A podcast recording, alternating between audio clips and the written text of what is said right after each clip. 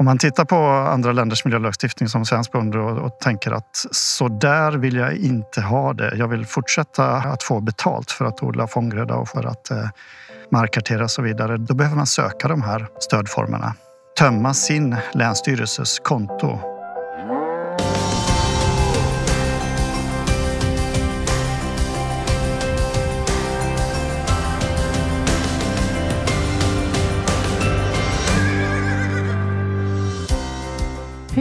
påverkar egentligen svenskens kött och mjölkkonsumtion möjligheten att hålla gårdens marker öppna?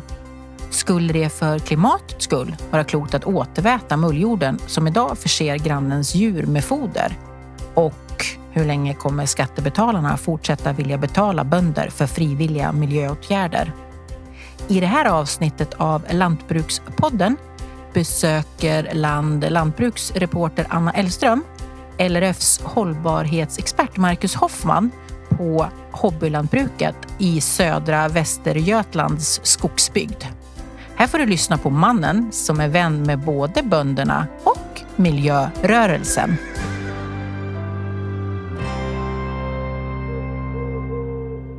Marcus Hoffman, hållbarhetsexpert på LRF. Välkommen till Lantbrukspodden. Tack så mycket. Du ville läsa en text för mig.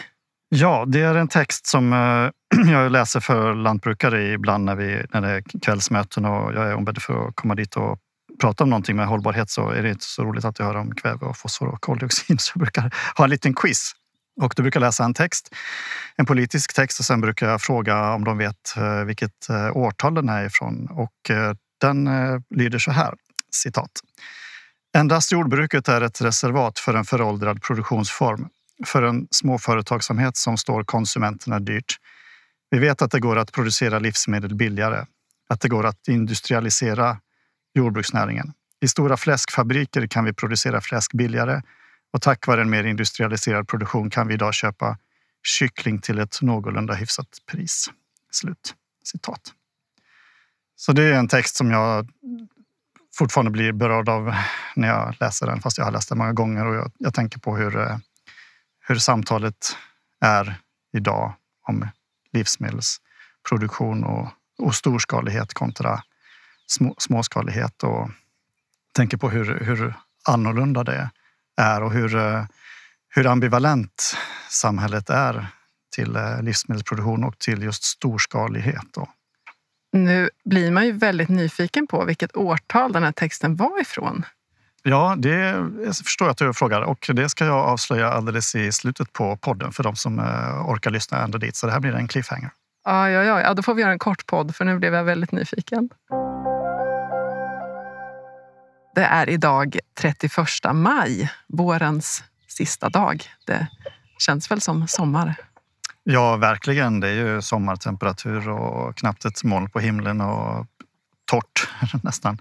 Redan lite torrt även här, fast det här eh, södra Västergötland där vi brukar kunna få tusen millimeter om året så är det verkligen sommar.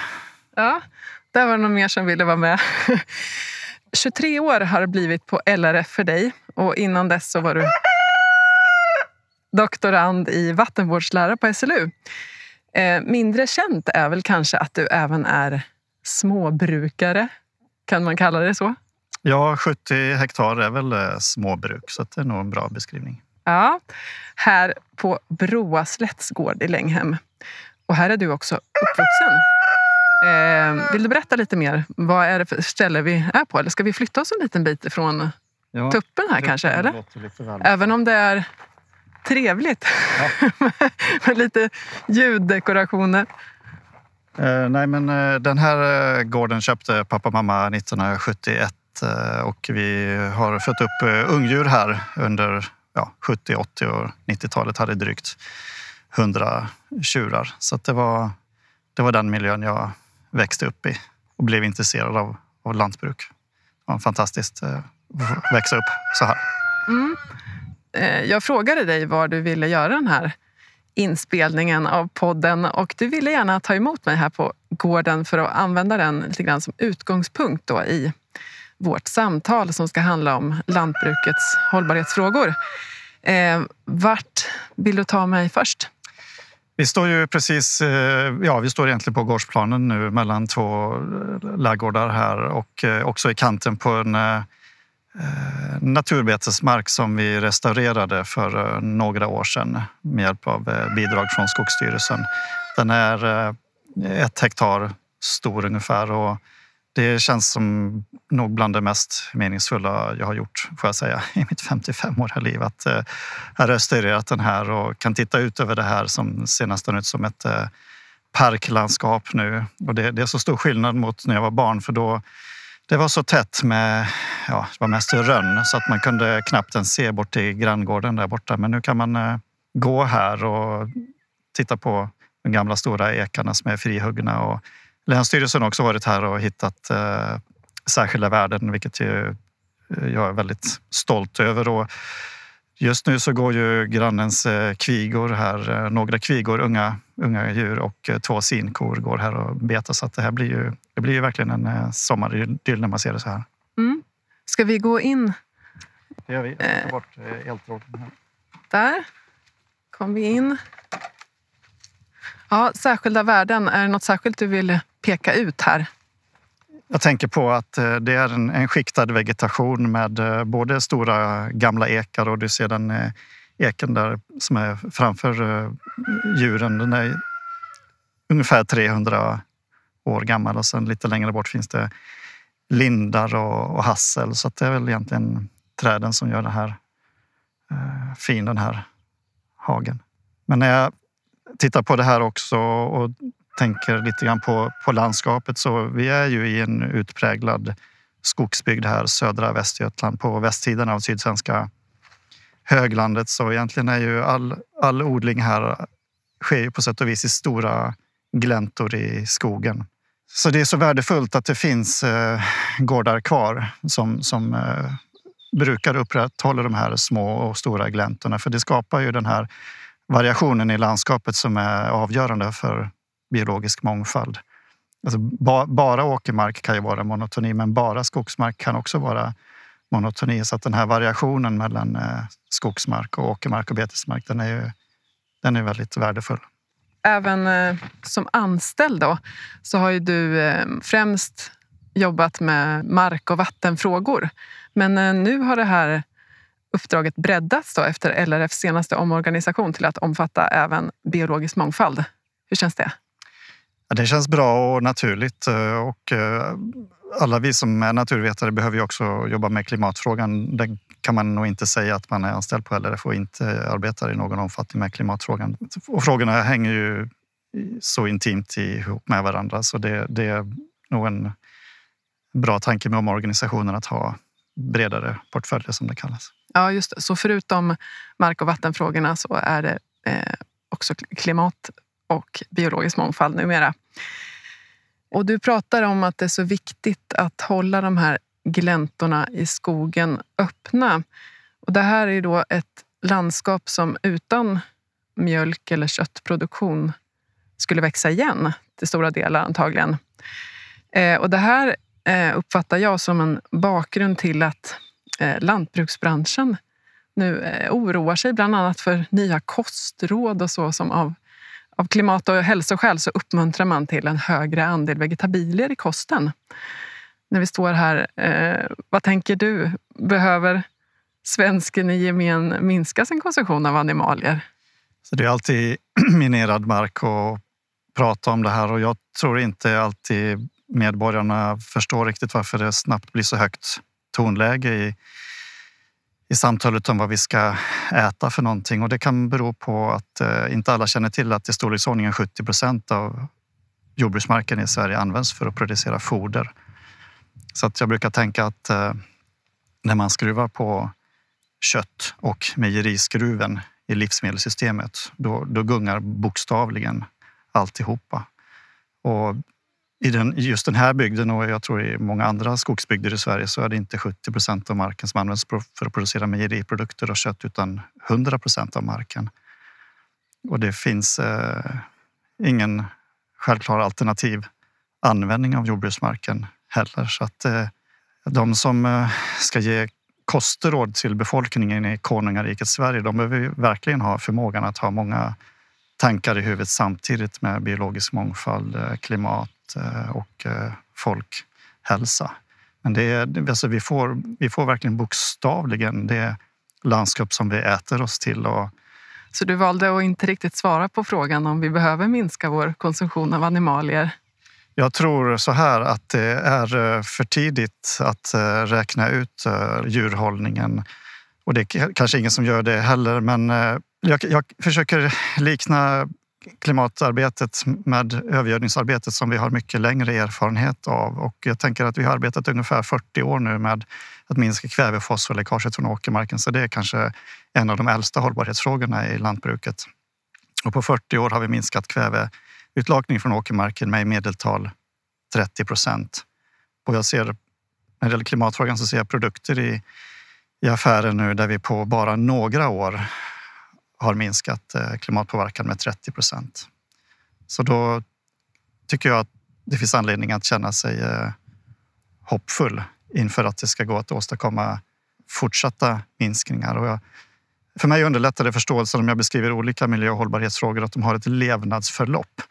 Och jag ser att eh, övergödningsfrågorna har vi hållit på med som jag sa i fyra decennier och jag tänker att klimatfrågan kommer också ha ett levnadsförlopp. Den har vi kanske arbetat med systematiskt i 10 till 15 år och vi kommer ha kommit betydligt längre i den om ytterligare fem år och 10 år och 15 år. Så vi får påminna oss om att vi är, vi är bara början av det här åtgärdsarbetet. Vi är fortfarande i ett lärandestadie. Mm.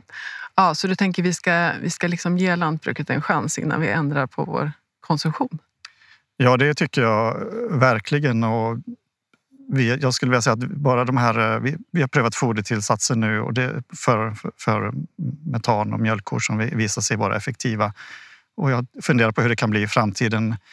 Kanske kommer vi se tillbaka på den här tiden och säga ja, men det där var bara första generationens eh, fodertillsatser. Nu har vi en ny generation som, är, som ger ännu res, bättre resultat i framtiden. Och en annan liten detalj är att eh, på en lantbruksmässa Förra året så visades det upp ett, eh, ett stall för att rena utluften på metan som kunde rena ända upp till 90 procent. Eh, rena bort metan ända upp till 90 procent.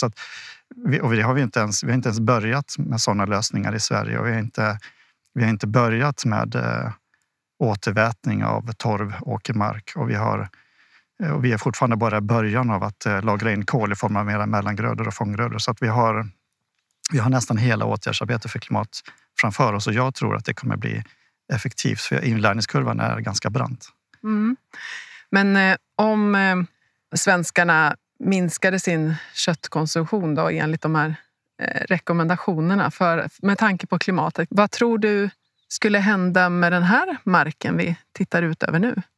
Jag räknar exemplet att vi drar ner eh, eh nötköttskonsumtionen med 10 procent. Det kan man ju tycka inte så radikalt och eh, om det till hälften skulle påverka det importerade köttet och, bara till hälften det svenska så är det ändå då i storleksordningen 150 000 hektar eh, betesmark och fodermark som inte längre skulle behövas. Och det, det träffar just Sveriges skogsbygder eh, först. Så det är frågan, vad ska, vad ska vi använda marken till annars i just skogs och mellanbygder? Och svenskens eh, köttkonsumtion har ju ökat väldigt mycket sedan 80-talet och 30 år framåt. Nu har den väl stannat av, vikt av lite grann. Men betyder det att det har varit eh, glada dagar för de här, den här typen av eh, bygd vi står i? Jag kanske inte är rätt person att svara på det, men det är fortfarande så att det slutar en bonde var åttonde timme i Sverige, tre per dygn och tusen per år. Så att eh, glada dagar är väl inte kanske det begrepp man skulle använda om en, om en bransch som, som har den eh, utvecklingen. Företrädare för lantbruket och i lantbruksmedia och så, där, så framställs ofta miljörörelsen som en grupp människor som kanske inte har lantbrukarens bästa för sina ögon. Som hållbarhetsexpert på LRF, eh, känner du dig som en del av miljörörelsen? Måste man, måste man välja? Jag känner mig både som en del av lantbruksrörelsen och som en del av miljörörelsen. Det finns ingen anledning att välja och jag har aldrig förstått den här eh, benägenheten att eh, beskriva saker som sidor. Det är liksom ingen, det är ingen hjälpsam eh, metod att prata på det sättet. Och jag har inte ännu träffat någon från miljörörelsen som inte vill ha ett konkurrenskraftigt jordbruk och jag har fortfarande inte träffat någon bonde heller som inte vill att vi ska göra mer saker för miljön. Så att, egentligen har vi ganska mycket gemensamma utgångspunkter tycker jag. Varför blir det så här då? Att vi delar in människor i olika grupper, kanske vi och dem och så?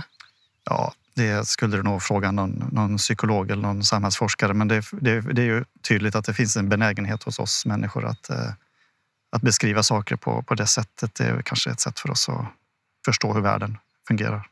Ja, vad förlorar vi på att göra det då? Vad är det för nackdel med att dela in eh, människor i vi och dem? Miljörörelsen mot lantbruket?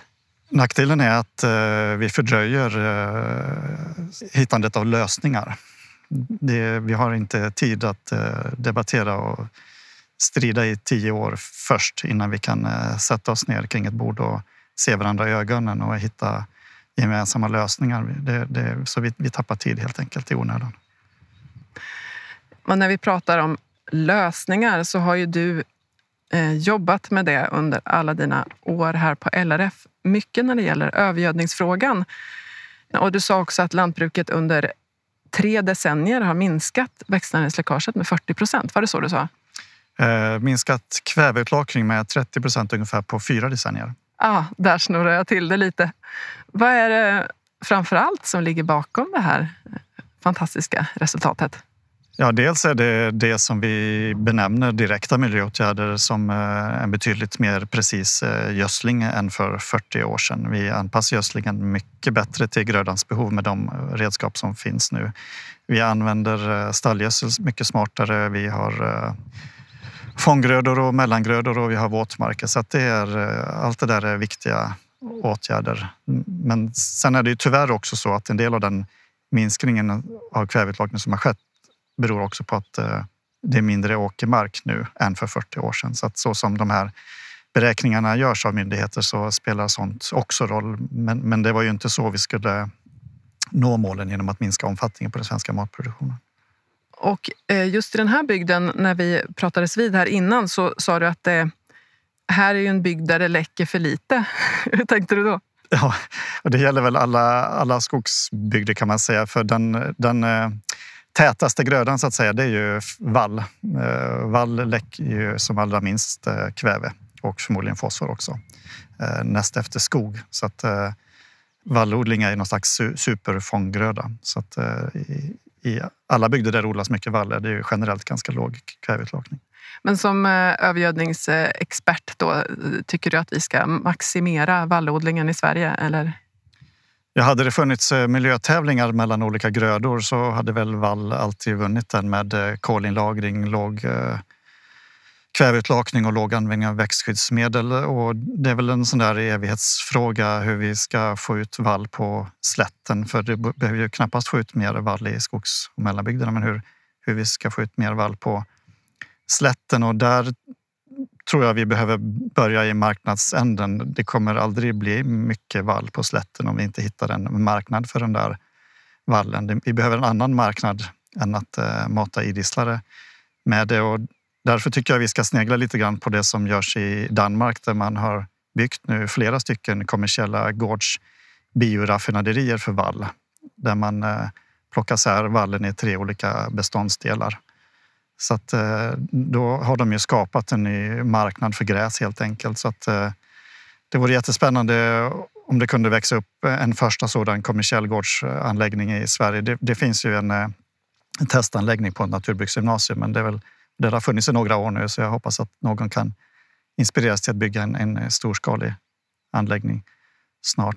För det, att få ut vall på slätten med hjälp av en sådan konstruktion skulle ju öka kolinlagring i områden där det är som allra mest eh, välkommet och eh, ge vall som välkommen avbrottsgröda i ensidiga spannmålsväxtföljder. Så det finns egentligen väldigt stora fördelar och jag pratar, jag pratar gärna om det för jag känner mig ganska engagerad i det. Och jag intervjuade en bonde på Själland som hade byggt just den första anläggningen i Danmark och den kostade 26 miljoner danska kronor varav de fick 14 miljoner Eh, bidrag från danska staten, alltså mer än 50 procent investeringsstöd, vilket ju var bra. Så det skulle kosta 35 miljoner svenska kronor ungefär och de använder då 500 hektar vall ungefär. Men den investeringen är nog lagom för några lantbrukare att gå samman kring att göra. Men, men det är klart att nyckeln är naturligtvis att man ska få avsättning för de här tre produkterna som, som kommer ur raffinaderiet.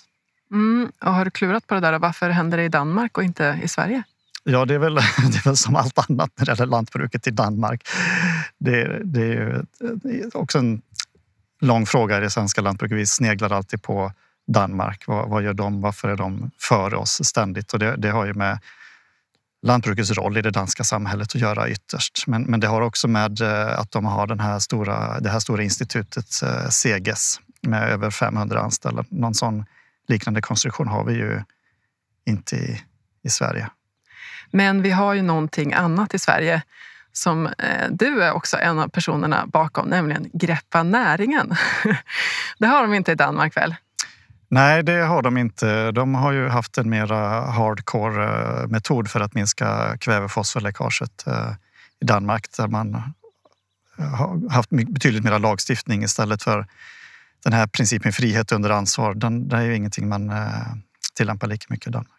Nej, och du ehm, Eh, Eh, beskrev här olika framsteg som svenska lantbruket eh, har gjort på övergödningsområdet eh, när det gäller växtnäringskväveläckage. Hur mycket kan man tacka Greppa näringen för det? då? Ja, ganska mycket skulle jag säga. Det har ju varit ett bra samarbete mellan Jordbruksverket, LRF, länsstyrelserna och inte minst rådgivningsföretagen och alla, alla ungefär 10 000 deltagande lantbrukare förstås. Och vi har ju tillsammans gjort i storleksordningen 70 000 gårdsbesök sedan 2001. Eh, och det är klart att eh, hade vi inte gjort de här 70 000 gårdsbesöken och pratat om kväve, fosfor, klimat och biologisk mångfald och växtskyddsmedel så hade, så hade den svenska matproduktionen inte varit lika hållbar som den är idag. Vad är det konkret då som de här rådgivningarna har lett till ute på gårdarna? Vi ser ju ett minskat eh, kväveöverskott i växtnäringsbalanserna på flera gårdar. Eh, men det tydligaste resultatet ser vi på grisgårdar där fosforöverskottet i gårdsbalansen har minskat med 90 procent. Så det är en väldigt stor skillnad. Ja, och vad är det för åtgärder som ligger bakom det här? Då? Det är flera olika åtgärder. Det kan vara gårdar som inte haft den här typen av rådgivning förut kan få syn på saker för första gången. Man kanske har köpt in eh, något för mycket mineralgödsel, fosfor eller man kan eh, trimma någonting med utfodringen. Det, det är många små åtgärder. Många små åtgärder säger du här. Räcker det då för lantbrukets hållbarhetsarbete eller behövs det en större revolution för att vi ska klara alla miljömål? Eh, revolution eh, behövs det ju inte om man tittar på statens eh, expertmyndigheter, till exempel Jordbruksverket eller vattenmyndigheterna som genomför vattendirektivet. Där finns det ju arealmål för de olika åtgärderna. Till exempel skulle det behövas 229 000 hektar fång och mellangrödor. Så det är lite mer än dubbelt så stor areal som vi har nu idag, våren 2023. Och på samma sätt finns det arealmål för skyddszoner och anpassade skyddszoner och, och våtmarker. Så att, eh, om vi klarar de arealmålen så kommer vi till exempel att nå det som vattenmyndigheterna kallar för god ekologisk status på vattnet i EUs vattendirektiv. Så att, eh, det är ju ingen revolution som, som behövs då, utan det är, det är de här arealmålen som vi behöver sikta på. Du berättade att du eh, för ett halvår sedan började ta upp begreppet grön omställning på LRF, apropå kanske inte revolution, men en viktig omställning. Vad handlar det om? Först ska jag säga att eh, omställningsordet tror jag en del lyssnare av lantbruksvården kan eh, lyfta på ögonbrynen åt. Eh, och eh, om jag skulle knacka på hos min granne här och på köksdörren och säga du måste ställa om så kanske han skulle säga va? va? Måste jag ställa om? Har jag, har jag gjort något fel i alla dessa år? Och ordet omställning, grön omställning används av annat näringsliv Eh, till exempel Volvo säger att de ska ha en grön omställning, LKAB, SSAB. Alla de här företagen har räknat ut vad kostar deras gröna omställning att göra? Och när vi tittar på vad de menar med begreppet grön omställning så menar de ju en omställning bort från eh, fossila, fossil användning. Så då, då tycker jag ordet omställning är eh, rätt använt. Men för oss som har en helt annan företagsform som brukar eh, stora arealer ute i naturen. För oss eh, handlar ju begreppet grön omställning inte bara om klimat och fossilfrihet. Det handlar om tre, tre andra byggstenar som är lika viktiga, jämnbördiga. Och det andra är just biologisk mångfald där vi har möjlighet att eh, göra mera för den biologiska mångfalden. Och den tredje byggstenen är det här stora paketet med markvård, vattenvård och luftvård där EU har inte mindre än sex direktiv och det finns flera svenska miljökvalitetsmål. Och sen för det fjärde har vi det här stora området med klimatanpassning.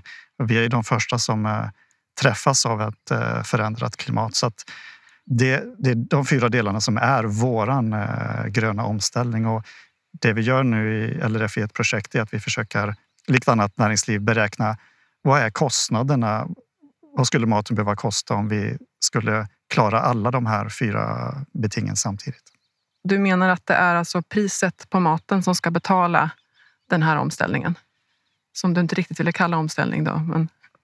Jag skulle säga att eh, om man tittar på annan företagslogik så är det ju alltid konsumenten som, som betalar hållbarhetskostnaderna. Om ett företag vilket som helst gör en produkt som är lite miljövänligare eller lite klimatvänligare än en annan och det har inneburit högre kostnader så tar man ut det på sin produkt. Så där, där har man inte ett samtal om hur, hur det ska betalas utan det är en självklarhet att det ska betalas av slutkonsumenten. Men vi har ju svårt att föra det där resonemanget i vår bransch för att mat är inte som bilar eller tandborstar eller schampo eller andra produkter.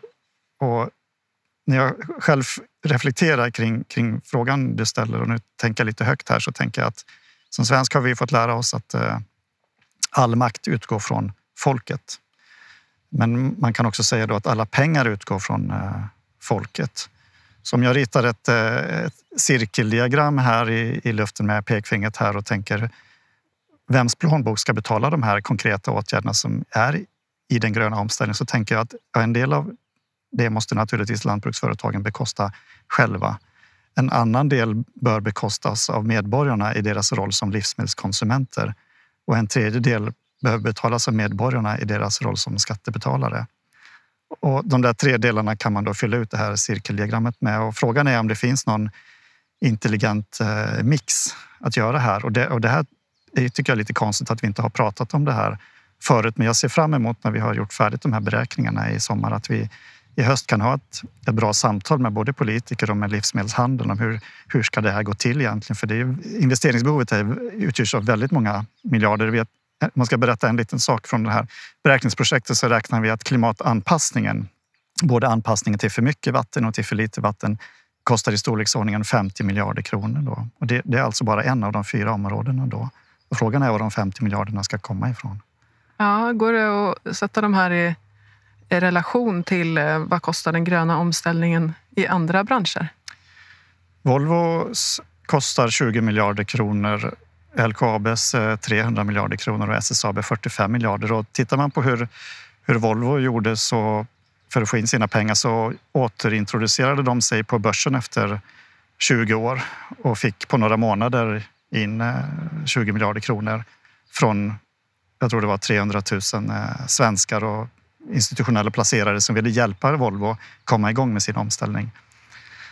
Så frågan är, kan Sveriges bönder också gå till börsen och på några månader få in våra tiotals miljarder så att vi kan sätta full fart med vår gröna omställning? Och det, det kan vi ju inte. Vi har, vi har inte den eh, företagsformen.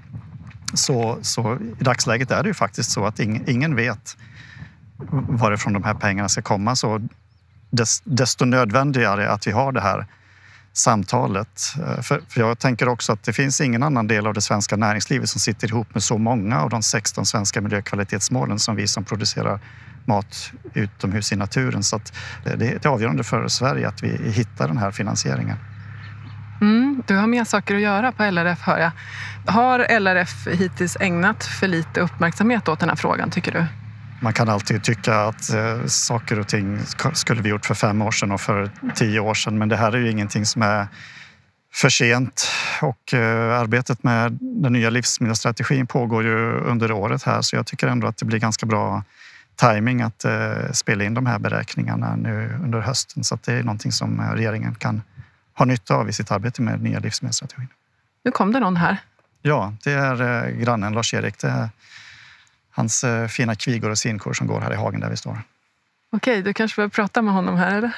Det ser ut som han är lite sugen på det.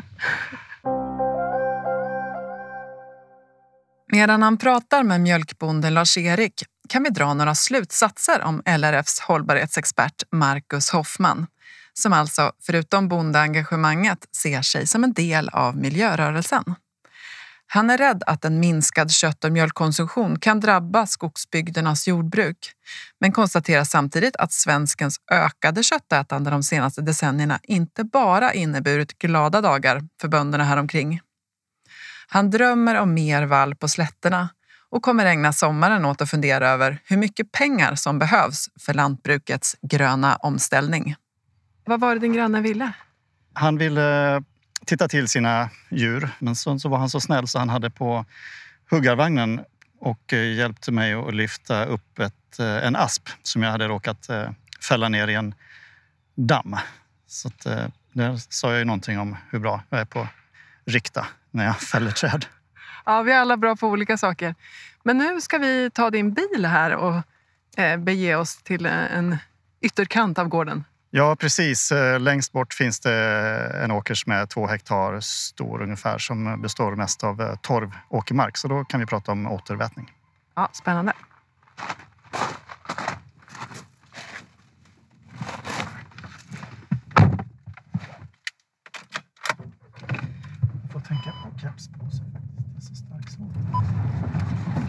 Vi pratade ju om det här med pengar till lantbrukets gröna omställning.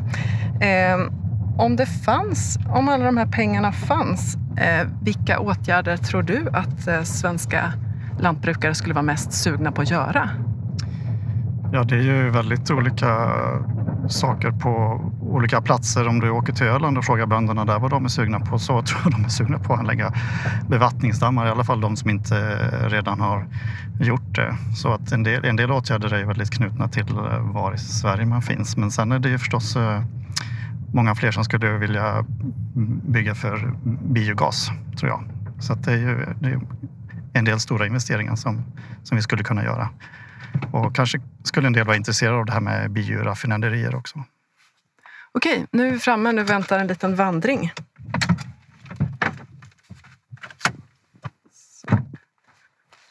Jaha, eh, är det här din skog eller? Ja, det är familjens skog. Det är en eh, skog som är 50 år ungefär. Den eh, planterade pappa i början på 70-talet. Mm. Inget du kommer ihåg kanske? Nej, det är inget jag kommer ihåg. Men den är gallrad en gång så det kanske är dags att göra det snart igen. Ja. Återigen, vi pratade om de här pengarna till lantbrukets miljöarbete.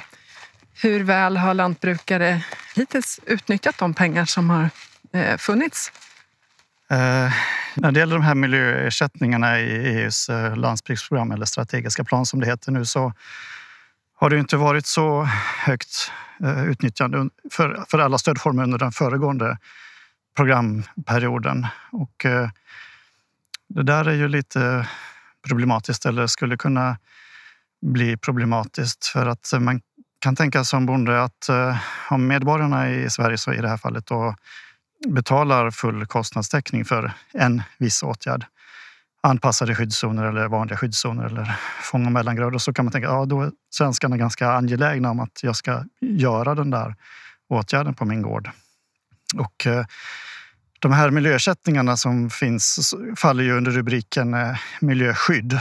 Och eh, ett annat vanligt styrmedel just för miljöskyddsåtgärder är ju lagstiftning. Och, ja, du pratar om att det är det man kör mer på i Danmark. Ja, precis. Man har till exempel lagstiftning om fånggrödor i, i Danmark. Och eh, en del av de åtgärder som ingår i den nya svenska stödformen precisionsjordbruk, planering, det är också lagkrav på i en del länder som krav på växtnäringsbalans och markkartering och flytgödselanalys. Då. Så att, eh, om man tittar på andra länders miljölagstiftning som svensk bonde och, och, tänker att så där vill jag inte ha det. Jag vill fortsätta ha det som jag har det. Att få betalt för att odla fånggröda och få betalt för att eh, markkartera och så vidare. Då, då behöver man söka de här stödformerna. Jag, jag ska inte säga att eh, det är som att vaccinera sig mot eh, att det här skulle bli lagstiftning i framtiden. Men det är det bästa man kan göra, att eh, tömma sin länsstyrelses konto på de här stödformerna. Och jag förstår att alla stödformer passar naturligtvis inte på alla gårdar, men det är viktigt att vi når de här arealmålen och att man som lantbrukare inte tänker så här. Jag kan strunta i att söka de här stödformerna och det kommer aldrig få konsekvenser för mig. så får man inte tänka. Så att när det gäller tillkomsten av en ny miljölagstiftning så är vi till ganska stor del vår egen lyckas eh, smed i lantbruket. Men det är väldigt svårt att, att nå ut med, med det budskapet. Så därför så agerar man på, på andra sätt. Mm, men du har försökt? Jag har försökt. Jag har pratat om det här i några år. Eh, eftersom jag har jobbat ganska länge med de här frågorna så ser jag, jag ser hur ny miljölagstiftning föds. Jag förstår ungefär hur den, hur den tillkommer. Och att inte söka de här stödformerna, det, det är så ny miljölagstiftning tillkommer. För att till slut så, så tröttnar den som företräder skattebetalarna och tänker att nu, nu har lantbrukarna fått både en och två och tre programperioder, 6, 12 eller 18 år på sig med de här åtgärderna och eh, att man risken är att tålamodet tryter till slut. Men det är klart att en del av problematiken bakåt under den förra programperioden har ju varit att stödvillkor, enskilda stödvillkor har varit eh, dåligt utformade. Det, det, är också jätteviktigt att säga det. Det, har, det är inte lantbrukarnas fel att, att det är dålig anslutning. Men nu har Jordbruksverket rättat till ganska mycket av det här så att nu i den här nya programperioden eh, fram till och med 2027. Alltså nu, nu gäller det kan man säga. Bara en sån sak som att ersättningsbeloppet för anpassade skyddszoner har höjts från 3 000 till 10 000 kronor per hektar. Det borde man haja till och tänka att oj, det där verkar vara en åtgärd som de verkligen vill att jag ska göra på min gård. Okej, vi går vidare. Är vi framme nu eller? Nu är vi framme. Så, ja, vad ser vi? Ja, vi ser en eh, en åker som är två hektar stor där den delen av åkern som vetter mot skogsmarken här är torvåkermark. Så jag ska gräva upp lite och visa. Det ska bli spännande att se hur han gräver. Han tar händerna. Ja, men det går när det är torvjord. Du ser, den är ganska lös. Alldeles eh, kolsvart. Ja. Som tyder på... Ja, du ser hur det ser ut här. Det här är ju... Det här är en organogen jord. Ja. Ja, så det här är ju lite, lite dramaturgi kring det här samtalet som pågår om, eh, om återvätning som en eh, klimatåtgärd. Så nu, nu finns det ju ingen renodlad stödform för det i, i Sverige som det till exempel gör i, i Danmark där danska lantbrukare får eh, motsvarande 50 000 svenska kronor för, som engångsbelopp om man återväter eh, fleråriga vallar. Och eh, återväter man organogen mark som är växtföljd så får man 120 000 svenska kronor som, som engångsbelopp. Då. Så jag kan ju fundera då, jaha, borde det här vara någonting att återväta för att stoppa koldioxidläckaget från den här åkern? Och svaret på den frågan är nej. Som du ser så odlas det här. Så det här är inte övergiven mark. Det här är mark som används för, för livsmedelsproduktion.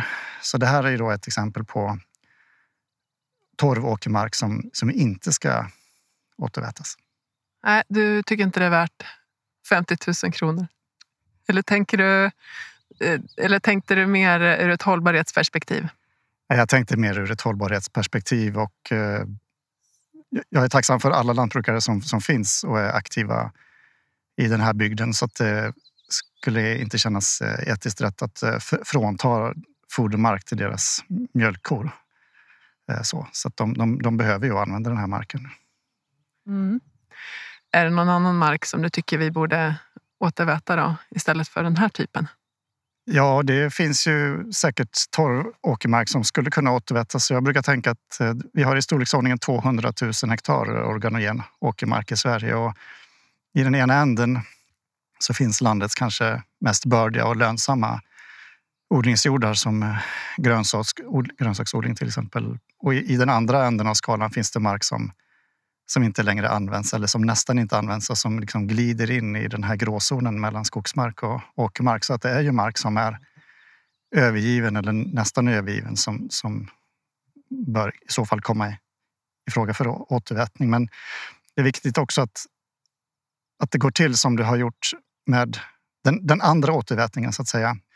Man kan ju bli lite förvirrad av de här orden nu för tiden, men vi har ju egentligen återvätt i bemärkelsen gjort dammar, jordbruksdammar då, eller våtmarker sedan EU-inträdet 1995 eh, och sådana har vi gjort eh, 15 000 hektar av på de, på de här snart 25 åren. det har ju varit en frivillig stödform. Det har varit ett erbjudande till lantbrukarna att anlägga våtmarker. Och det bör gå till på samma sätt med återvätning av organogen eh, åkermark. Det bör vara en, en frivillig stödform. För då blir det liksom inbyggt, inbyggt sunt bondförnuft i det. Att de som vill och kan, de gör det. Men de som avstår, avstår. Men så kan man inte resonera när det gäller eh, anpassade skyddszoner och eh, fånggrödor. Då gäller det att tömma kontona. Ja, de åtgärderna är ju så gamla vid det här laget eh, jämfört med återvätning som ju egentligen inte finns än av åkermark. Så det, ju, det, finns, det finns liksom också en, en tidsföljd av mest logiska styrmedel kan man säga. Ja, så man ska vara lite skeptisk till nya styrmedel? om man tillämpar sunt bondförnuft så är det väl inbyggt en skepticism i det där tror jag. Så att, eh. Skeptiskt bondförnuft, det är vägen framåt. Ja, det tror jag. Och man får också tänka på att, eh, att återväta torv och åkermark det är ju ett, det är ett hantverk som, som jag tror man behöver beskriva som ett eget hantverk. Det är, det är inte så att vi är födda med kunskap om hur det där ska gå till. Och jag tänker på när vi började anlägga våtmarker i bemärkelsen jordbruksdammar som jag sa förut. Så var ju inte de heller perfekta från 1995 och framåt utan det var ju ett hantverk som vi fick eh, lära oss.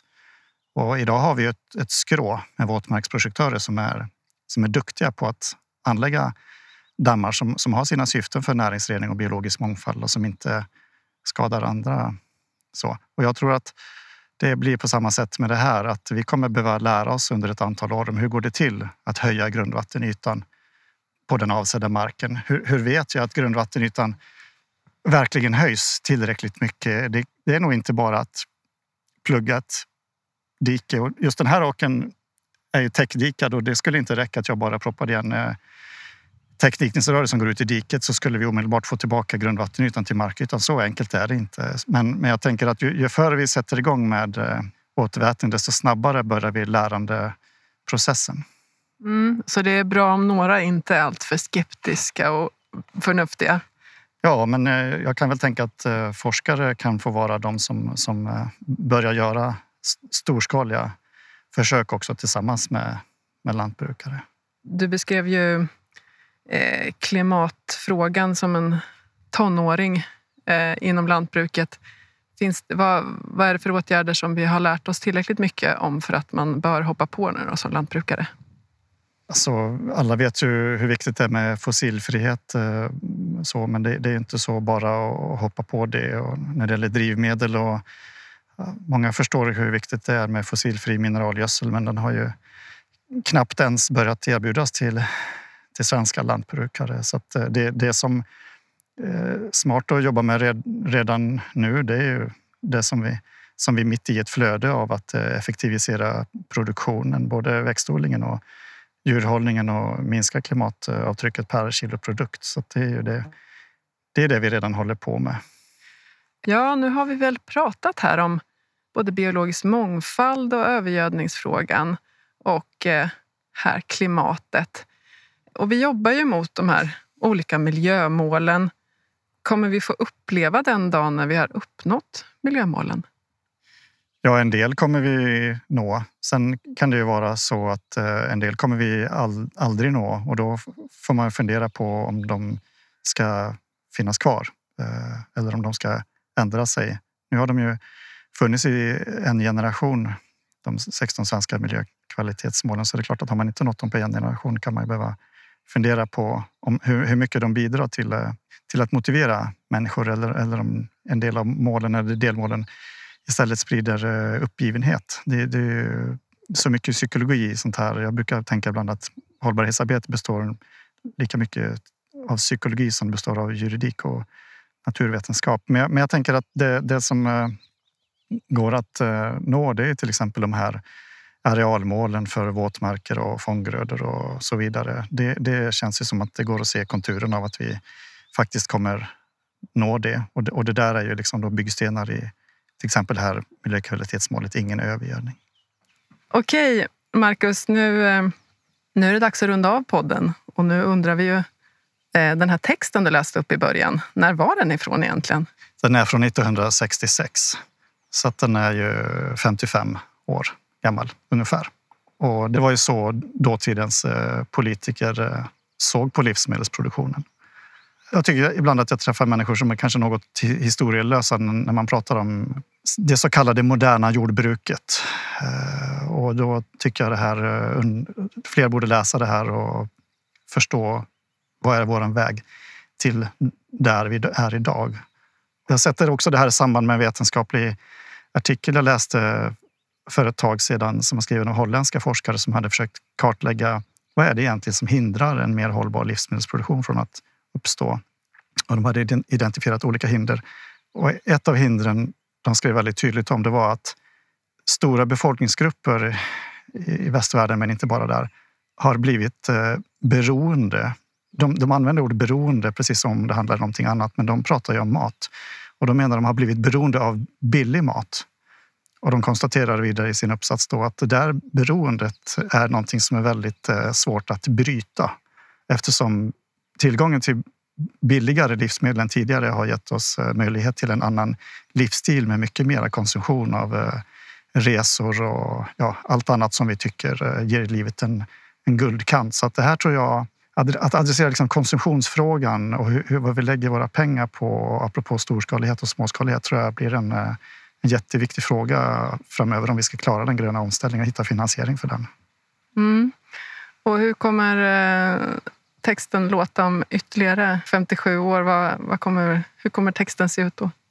Ja, då hoppas jag att vi har en text som eh, beskriver att vi klarade klimatmålen och att vi klarade mål för eh, biologisk mångfald och att vi vi har en, en eh, livsmedelsproduktion som, som lever upp till de förväntningarna som vi kommer ha då. Kommer vi äta samma saker som vi gör nu för tiden, tror du? Det tror jag inte att vi kommer att göra, men jag tror att eh, det vi väljer att stoppa i munnen i framtiden kommer eh, att komma från en, en bonde ändå. Du har hört LRFs hållbarhetsexpert Marcus Hoffman som precis tilldelats årets våtmarkspris. Bland annat med motiveringen att han fungerar som en brygga mellan myndigheter och lantbrukets behov. Anna Elström har intervjuat, Sam Segerblom har klippt avsnittet och jag som har producerat heter Maria Gramer. Har du synpunkter eller förslag på ämnen och gäster till podden? Maila oss på lantbrukspodden landlantbruk.se Lantbrukspodden görs av Land Lantbruks redaktion som är en del av LRF Media.